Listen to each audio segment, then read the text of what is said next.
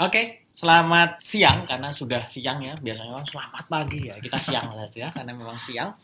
Eh, kali ini kita kedatangan dengan eh, seorang tamu dari jauh dari planet Tangerang Selatan sana melewati barrier PSBB. Satelit tadi ya. Oh, satelit, satelit ya. Yang tadi sempat nanya ke saya eh, bagaimana kondisi PSBB sebenarnya nggak ada nggak ada apa-apa PSBB ya tetap ramai aja di Jakarta. Baru kali ini keluar dari Tangerang Selatan, Mas. Jadi setelah PSBB benar-benar baru, baru kali ini. Oke. Eh, oh ya belum kenalan. Beliau adalah Mas Satya Pradana, seorang karyawan, karya orang wan, wan itu manusia yang berkarya. Iya, Gitu manusia kan. berkarya. Beliau sementara masih jadi PNS, tapi PNS plus plus, yaitu PNS yang juga berkarya. Selama ini kan PNS itu bekerja, pegawai, orang yang biasanya main gawai. Gitu ya. Nah sekarang beliau, saya menyebutnya karyawan, orang yang berkarya. Eh, selamat datang Mas Satya di BM Studio. Ya, makasih Pak Pulang. Kita akan ngobrol-ngobrol santai tentang hal-hal yang casual biasa saja ya. Oke, bagaimana perjalanannya selama di sini tadi melihat apakah sesuai bayangan? Iya Pak. Eh, jadi memang kalau yang dibayangkan sih ya PSBB bakalan bikin jalan sepi, tapi ternyata tadi enggak. Tapi alhamdulillah sih eh, saya melihat ya beberapa titik ada polisi-polisi yang berjaga segala macam. Jadi saya yakin pemerintah sudah mulai serius sebenarnya. Hanya saja memang kita sebagai masyarakat memang perlu mendukung itu. Kita nggak nggak Hmm. bisa nggak bisa lalu kemudian mengandalkan aparat saja untuk untuk mensukseskan PSBB dan kemudian mengatasi masalah COVID ini. Pokoknya menurut saya memang memang COVID memang masalah yang kompleks ya. Nggak nggak hanya masalah ya membatasi orang aja masalah sosialnya, tapi juga sebenarnya besar ini Pak. Ada yang bilang nih fenomena sekarang mulai dilepas ya, Hmm. tapi sementara di daerah masih banyak ini Betul. masih banyak kasus ya, justru di daerah lebih banyak itu Hmm. katanya sebagian menga- menganggap kayaknya pemerintah ya sebenarnya kita nggak ngeritik pemerintah ya Hmm. cuma Hmm. komen-komen santai saja itu mulai kayaknya secara tidak langsung menerapkan apa eh, herd immunity katanya Percaya kayak gitu nggak? Aduh, ini nih. Saya dulu makanan saya dulu tuh ngomongin masalah teori konspirasi, Pak. Oh. Jadi- Eh, pas ini bang, pas ya, temanya pas. cuman cuman ya itu pak semakin ke sini memang memang ya menarik sih teori konspirasi tentang tentang covid ini sebenarnya ada atau enggak terus kemudian emang sengaja disebarin atau enggak dan sebagainya Hmm. Dan apa ya ya dari berbagai macam sumber sih ya nanti memang memang masyarakat saya yakin memang, memang terpecah nggak tahu mungkin Pak Pulung pun juga punya opini tersendiri juga tentang covid ini. Eh, apakah ini memang sudah diagendakan dan sebagainya. Memang kalau beberapa orang yang ba- yang suka nih baca tentang teori konspirasi pasti saya yakin banget tuh langsung hubungin itu Pak. Hmm. Karena yang Iya. yang yang seperti kita ketahui aja masalah faktanya COVID ini di penjuru dunia langsung dibagi jadi tiga. Yang satu tersebar di Eropa, satu lagi tersebar di Amerika, satu lagi tersebar di Asia gitu. Hmm. COVID-nya emang beda-beda. Nah dari situ aja tuh udah, waduh ini emang udah diagendain atau Nah. gimana gitu. ya. oh Pak. Pulung ini gimana Pak? Ya, Lebih yang mana nih Pak? Ini yang nanya saya mas, bukan Oke, mas eh, nyambung ke kondisi yang ada ya, ya. Ya, itu siap, tadi siap, itu tema bahasan lain nanti kalau kita bicara Betul, tentang itu bisa panjang banget. panjang Panjang lebar. banget. Aktivitas selama WFA apa aja nih? Jadi eh, saya terus terang ya seperti yang tadi Pak Pulung bilang diperkenalkan saya menjadi PNS ya PNS. Tapi memang selama WFH ini memang dikondisikan untuk bisa bekerja dari rumah dan sebagainya. Dan eh, terus terang nih kalau saya nih, Hmm. saya sudah mengawali mengawali karir dalam tanda kutip ya karir baru saya itu Hmm, sekitar setahun baru. setahunan yang lalu saya karena dulu orang dari penerbitan terus akhirnya setahun yang lalu ketemu lagi dengan ma- teman-teman dulu lah ya Hmm. terus kemudian mulai bikin penerbitan nah kemarin selama selama WFH sih itu yang ngerasain juga sih pak ngerasain juga ada dampaknya dan sebagainya cuman alhamdulillahnya nggak tahu ya percaya atau enggak sih ya bahwa nggak tahu nih mungkin karena yang ngatur rezeki yang di atas ya rezeki bulan Ramadan itu pak itu emang ada beneran loh Hmm, ya. saya Hmm. yang yang dalam pikiran saya nih waduh ini WFH saya mau ngapain ya rame pak Permintaan. permintaan buku tuh masih ada dan rame Iya. saya terus terang nih sampai sekarang penerbitan saya sih masih masih fokusnya masih ke yang konvensional yang cetak lah ya Cetak. masih cetak Eh, kemarin kegiatan saya terus terang nih selain selain dunia PNS ya itu akhirnya ya ya di penerbitan ini pak dan rame pak Atau karena jangan-jangan banyak orang yang nganggur di rumah aja terus nulis buku ya. Jadi bisa jadi ya Bisa kayaknya jadi gitu itu ya.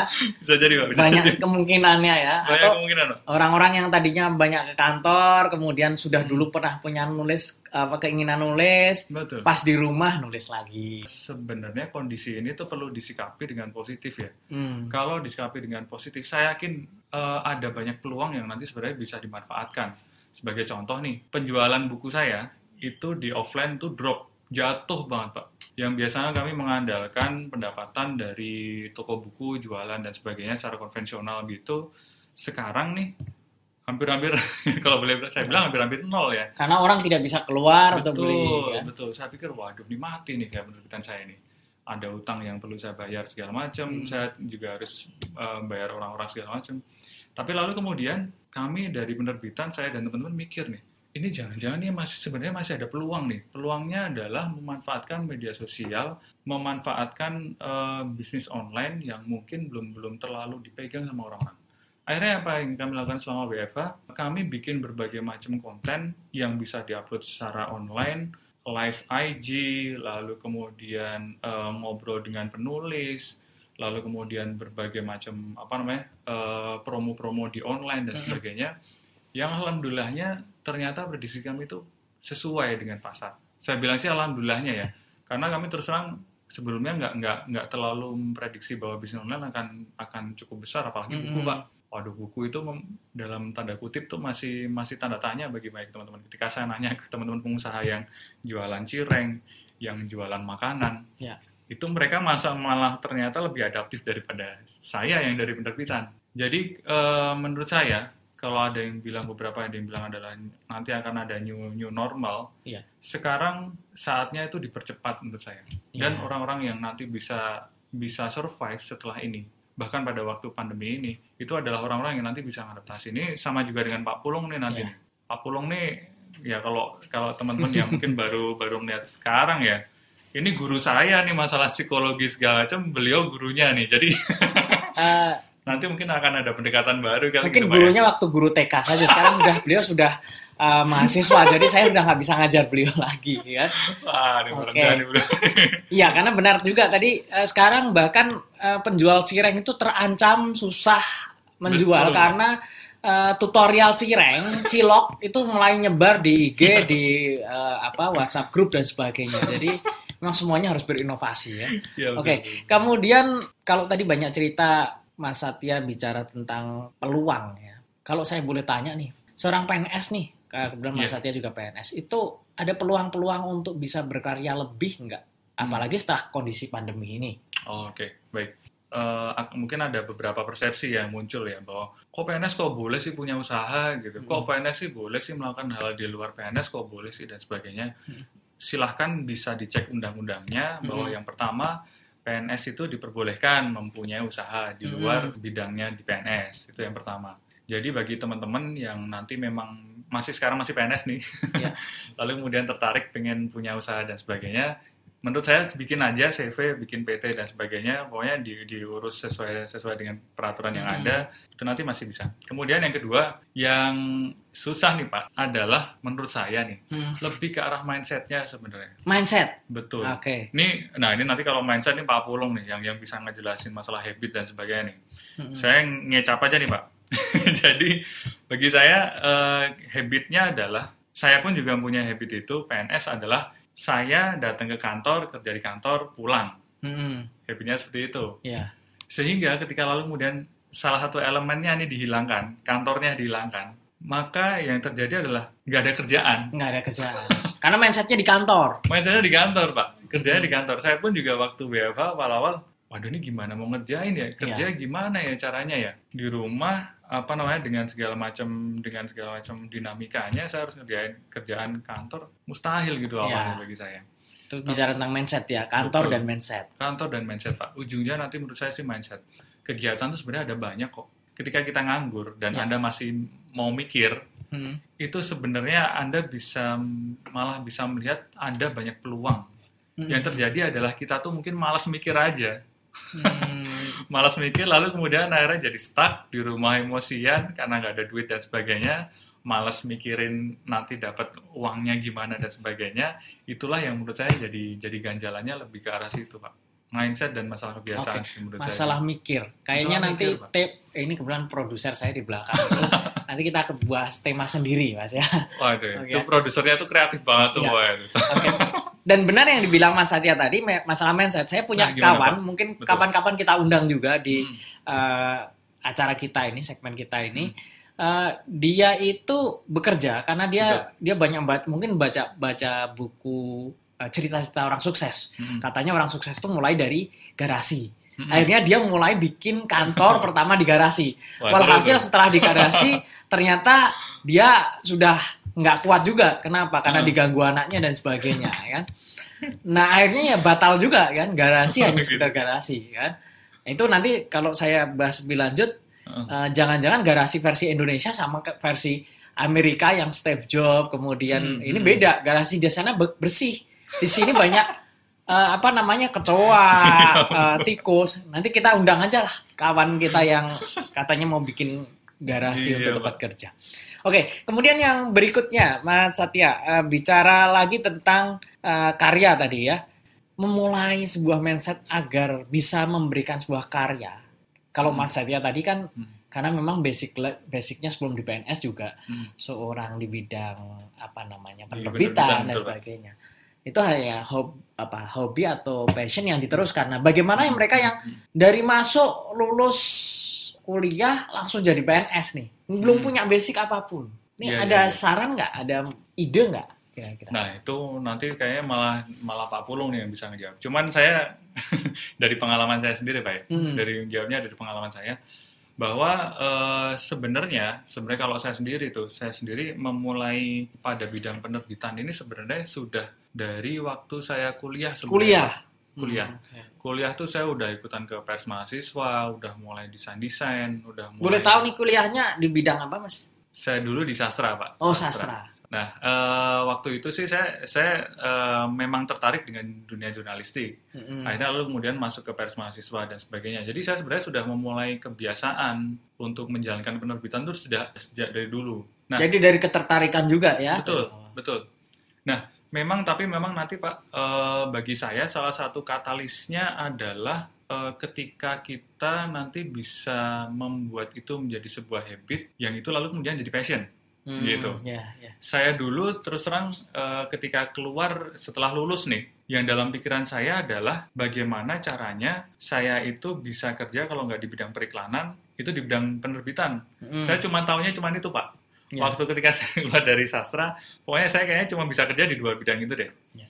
Akhirnya apa yang terjadi pada waktu itu, itu menjadi, kalau istilah saya tuh di, dikatalis pak. Jadi saya terpaksa untuk kerja di bidang penerbitan dalam pada waktu itu jadi editor dan sebagainya itu yang kemudian menjadikan saya terbiasa dengan dunia edit dengan dunia penerbitan dan sebagainya nah itulah yang akhirnya menjadi hobi pak ketika saya lalu kemudian keterima di PNS hobi itu tuh masih ada Hmm, saya masih ngedit-ngedit secara lepas, saya masih Iya. menyunting secara lepas, saya masih bikin cover secara lepas dan sebagainya. Sebelumnya ketika saya kuliah itu sudah jadi habit, ketika saya kerja itu saya dikatalis harus kerja nih supaya dapat duit supaya hidup gitu kan ya. Iya. Tapi lalu kemudian setelah jadi PNS meskipun udah nggak dapat duit sebesar itu lagi ketika dulu waktu kerja, tapi itu udah menjadi habit. Kalau saya nggak nggak ngedit segala macam kayak gatel gitu, nggak megang buku, nggak bikin karya itu tuh gatel lah gitu. Nih saya malah mau nanya gini Pak Pulung nih. Gantian dong sekali-kali nanya dong. Kalau nanti nanya, saya diundang Oh, dong ke, gitu. ke siap. tempatnya Mas Satya. Jadi gitu. saya jadi hostnya ya. jadi hostnya. Bayarannya berapa nih? Oh, Pak? enggak. Eh, nanti kita bahas juga kan. gitu ya, siap. bahwa karya itu eh, makanya nanti nah ini ah. nyambung dengan pertanyaan berikutnya Ya. eh, Mas Satya Eh, banyak orang bertanya bahwa Mm. eh, PNS nyambi ini karena kurang duit atau karena apa? Nah, Gitu, pertanyaan saya ini ini Iya, sudah benar, mulai sensitif ya rekan-rekan semuanya. Eh, Mas Satya ngerasa perlu nyam bukan nyambi kalau saya bilang karya tadi ya.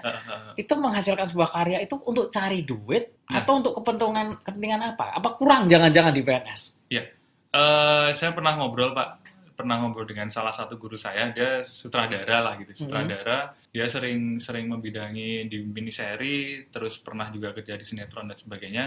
Kata dia tuh Pak, kerja itu harusnya eh, kalau bisa nih dua-duanya nih, Mm-mm. idealisme dapat, lalu secara komersil atau secara keuangan tuh dapat, Hmm. dua-duanya Iya. didapat nih. Artinya kalau yang yang yang pertama itu bisa terkait dengan hal-hal yang dibilang orang passion lah, hobi lah, ketertarikan lah, Mm-mm. lalu kemudian apa namanya pengakuan lah gitu dan sebagainya. Menurut saya nih pak. ya. Kemudian kalau enggak minimal tuh dapat yang kedua secara ekonomi. Mm-mm. Jadi mungkin secara idealisme hancur, lebur dan sebagainya, tapi secara ekonomi bisa hidup. Sekarang pertanyaannya sih sebenarnya saya balikin lagi pada orang-orang yang mau nyambi nih di luar nih. Mau dapetnya mau yang mau yang mana? Iya. Kalau mau dapat mau dapat dua-duanya ya berarti Anda memang harus melakukan pencarian istilah kata seperti itu. Pencarian supaya dapat dua-duanya. Kalau saya sendiri apakah antara passion atau masalah masalah duit ya? Alhamdulillah nih kalau secara keuangan nih di PNS saya sebenarnya udah mencukupi. Mm. Jadi sebenarnya yang nyambi itu PNS-nya atau karyanya yang di luar nih yang jelas Aduh, mana ini? ini, ini. Jadi Jangan-jangan PNS-nya yang nyambi. PNS yang nyambi ya daripada Aduh, Kan? Ini saya perlu mikir nih. Oke. Uh, Iya iya betul betul. Di dunia PNS, saya me- mengakui mengakui bahwa eh, saya sudah hidup sekian tahun dari PNS. ada Ya, sudah sampai 10 tahun? Eh, ini udah mau masuk ke 10 tahun nih Pak. 10 tahun ya, Sekitar- 10 tahun. Eh, rekan-rekan satu dasawarsa ya. Sudah sawarsan. Dua kali periode presiden Anda. Oke. Iya iya. Jadi kalau saya bilang bahwa saya nggak ada passion di PNS, dulu awalnya mungkin saya bilang gitu. Hmm, Tapi iya. sekarang itu agak saya sedikit saya ubah, Pak. Jadi begini, passion saya di PNS terus terang mulai tumbuh nih. Saya sekarang dengan dengan adanya terus terang ada pendapatan di luar juga, saya malah lebih agak bebas ketika di dalam. Dalam bebas itu dalam nanti begini, Pak. Eh, saya dulu begitu begitu mengandalkan PNS itu sebagai pendapatan Mm-mm. sehingga apa yang terjadi ketika saya di kantor saya terus terang agak-agak agak-agak ngerasain bahwa aduh nih saya ini harus berkontribusi sesuai dengan gaji saya lah gitu kan Hmm. seperti itu Iya. dan saya- Transaksional gitu ya? transaksional gitu Oke. loh, Pak transaksional tapi lalu kemudian apa yang saya rasakan adalah ketika saya eh, mempunyai bisnis di luar Iya. gitu ya saya akhirnya dulu yang saya inginkan bahwa saya ketika jadi PNS pengen dapat pengakuan jabatan dan sebagainya itu hilang pak Hmm, oke. karena sudah disubstitusi dengan hal yang saya dapat di luar. Sehingga ketika saya lalu kemudian sekarang datang ke kantor, itu saya malah merasa lebih lebih bebas nih. Saya nggak dihargain orang, nggak masalah kok gitu. Yang penting kerja saya saya la- jalankan dengan baik. Saya nggak dapat jabatan pun di kantor, saya pun juga nggak masalah. Tapi itu versi saya ya. Iya. iya. mungkin nanti bagi teman-teman yang lain mungkin nanti akan ada perbedaan. Tapi lalu dan kemudian kalau terus terang nih kalau masalah pendapatan, pendapatan nih eh, sekarang alhamdulillah di luar ya sudah sudah mulai stabil lah gitu kalau boleh saya bilang sudah mulai stabil. Meskipun kalau saya sendiri kenapa saya masih menjadi PNS eh, salah satunya karena orang tua pak, Hmm. karena orang tua almarhum ibu saya itu yang dulu eh, ngedoain saya supaya masuk. Almarhum ibu juga itu yang dulu ngawasin saya supaya saya tuh ngesubmit ngesubmit apa namanya lamaran, Lamaran. sampai lalu kemudian wawancara dan sebagainya itu almarhum ibu saya. Dan sampai sesaat sebelum beliau meninggal pun beliau selalu mewanti-wanti bahwa PNS gak boleh dilepas. Jadi ada sisi bahwa eh, ketika punya satu karya di luar yang kebetulan menghasilkan satu Iya. Pemasukan yang lumayan katakanlah Iya. seperti itu, Hmm. ada sisi idealisme yang bisa dijaga sebagai PNS. Iya betul. kan? Pak. Jadi orang mau eh, ngomong apa saya nggak orang Iya. yang yang tidak punya sisi idealisme PNS cuma untuk eh, menjilat, untuk mencari Iya. duit Enggak, dan sebagainya. Tapi ini justru bisa jadi sebuah pengabdian gitu. Iya betul. Saya setuju dengan dapat dengan dapat Pak Pulung bahwa eh, semakin ke semakin ke sini ya. Saya dulu juga berpikir gitu Pak. Wah PNS ini cuma isinya cuman orang-orang malas, cuman cuman makan gaji buta gitu dan sebagainya. Tapi sebenarnya ada poin pengabdian yang yang orang-orang tuh sering lupa bahwa itu tuh ada di PNS. Ya. Dan semakin Anda sebenarnya semakin terbebas secara finansial, maksud saya ada yang bisa mensubstitusi bahkan di luar dan sebagainya, maka malah akan lebih bebas nih pengabdiannya akan lebih leluasa dan sebagainya. Nah, catatan yang tadi ini bagus banget tuh Pak, masalah eh, masalah pengabdian lalu kemudian apakah nanti akan terganggu atau tidak masalah Hmm, idealisme di, di, di PNS. Saya eh, mengambil jarak, terus terang mengambil jarak bahwa penerbitan saya ini akan berhubungan dengan klien-klien yang non PNS, Oke. klien-klien non BUMN. Agar Klien- lebih independen gitu ya. Agar lebih independen Ya, oke. supaya apa supaya nanti eh, saya sih saya sendiri beridealisme bahwa saya nggak mau juga sih Pak. Nanti ada masalah kantor yang kemudian kecampur dengan masalah saya di luar gitu dan sebagainya. Itu yang yang saya, saya terus terang agak hindari. Saya ingat salah satu salah satu cerita bahwa hu, uh, polisi yang legendaris namanya Hugeng gitu ya. Itu bahkan katanya pernah nutup toko bunga istrinya gara-gara yang beli itu kebanyakan pejabat-pejabat yang berhubungan sama dia gitu kan ya. Betul, ya. Cerita itu legendaris banget dan nggak tahu itu nempel banget di dalam pikiran saya bahwa eh, kalaupun Anda nanti bikin usaha, intinya jangan sampai Anda itu terbeli. Menurut saya mungkin katakannya dibeli ya, dibeli oleh uang terkait dengan masalah idealisme integritas Anda di PNS-an. Integritas itu hal yang paling mahal menurut saya Pak dari seorang PNS. Kalau Anda integritas Anda udah bisa kebeli, wah udah deh. Mending mending pilih aja langsung cut Anda mau jadi PNS atau mau keluar gitu Iya. aja. Ini ada satu kata kunci, integritas. Artinya bisnis itu juga harus dilandasi integritas. Iya, kalau enggak justru malah kerjaan kantor di PNS dibisniskan. itu yang jadi bahaya, ya. kan? Itu Ini kata kuncinya integritas ini. Jadi tadi pertama ada satu hal yang menarik. Yang pertama yang namanya PNS kalau bisa malah harus punya usaha ya agar punya jiwa profesionalisme ya. Tapi juga harus punya integritas. Itu yang berat. Nah, sekarang saya tanya eh, Mas Satya, ini kan harapannya seperti itu. Mm-mm. Nah, membangun integritas tuh gimana? Ini karena integritas hampir semua organisasi, mau Ya. swasta, mau negeri, pasti ada mengatakan bahwa value integritas ada. Mm-mm. Tapi Mm-mm. value integritas dikatakan sebagian orang itu nggak bisa itu. Itu adanya di eh, keluarga masing-masing di masa Mm, lalu. mm, mm. Nah, kalau Mas Satya sendiri gimana nih? Ba- Dapatnya dari mana? Ini- Atau minum obat integritas, kapsul integritas atau apa? Iya nih. Ini pertanyaan pertanyaan yang apa ya? Yang sebenarnya udah mulai jarang ya Pak ya diomongin masalah integritas ya. Saya tuh paling seneng sebenarnya kalau ngomongin itu masalah etika, masalah integritas itu tuh Hmm. paling seneng Pak. Eh, bagi saya itu yang penting. Sama satu lagi masalah karakter Pak. Jadi eh, integritas, integritas itu dibangun dari mana? Kalau saya, kalau versi saya itu dari profesionalisme.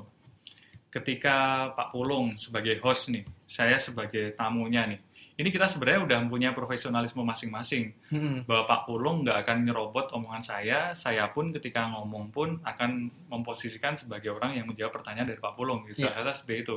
Kita masing-masing punya job desk masing-masing nih. Nah dari situlah pemahaman itulah, lalu kemudian bagi saya lalu kemudian muncullah integritas itu. Ketika saya menjadi seorang PNS, paling gampangnya sih gini sih Pak, baca kode etiknya aja. Kode etiknya perlu ngapain aja gitu dan sebagainya. Ikutin aja dulu lah gitu, semua kode etik itu. Setelah Anda ikutin terpaksa atau enggak ya, tapi kalau Anda konsisten, kalau bahasa Islamnya sih istiqomah lah gitu ya, Hmm. itu maka nanti integritas itu akan muncul dengan sendirinya. kok. Yang sekarang jadi jadi pertanyaan ini kan integritas itu kan sesuatu yang ini Pak ya, sesuatu yang dijalankan kalau versi saya ya, sesuatu yang dijalankan oleh seseorang bahkan ketika orang nggak ada orang yang lihat. Hmm. Ketika Anda jadi PNS, Anda sebenarnya bisa aja nih magabut nih.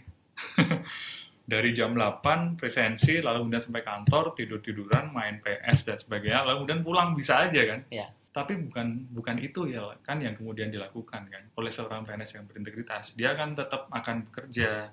Itulah yang kemudian menjadikan integritas itu menjadi tumbuh.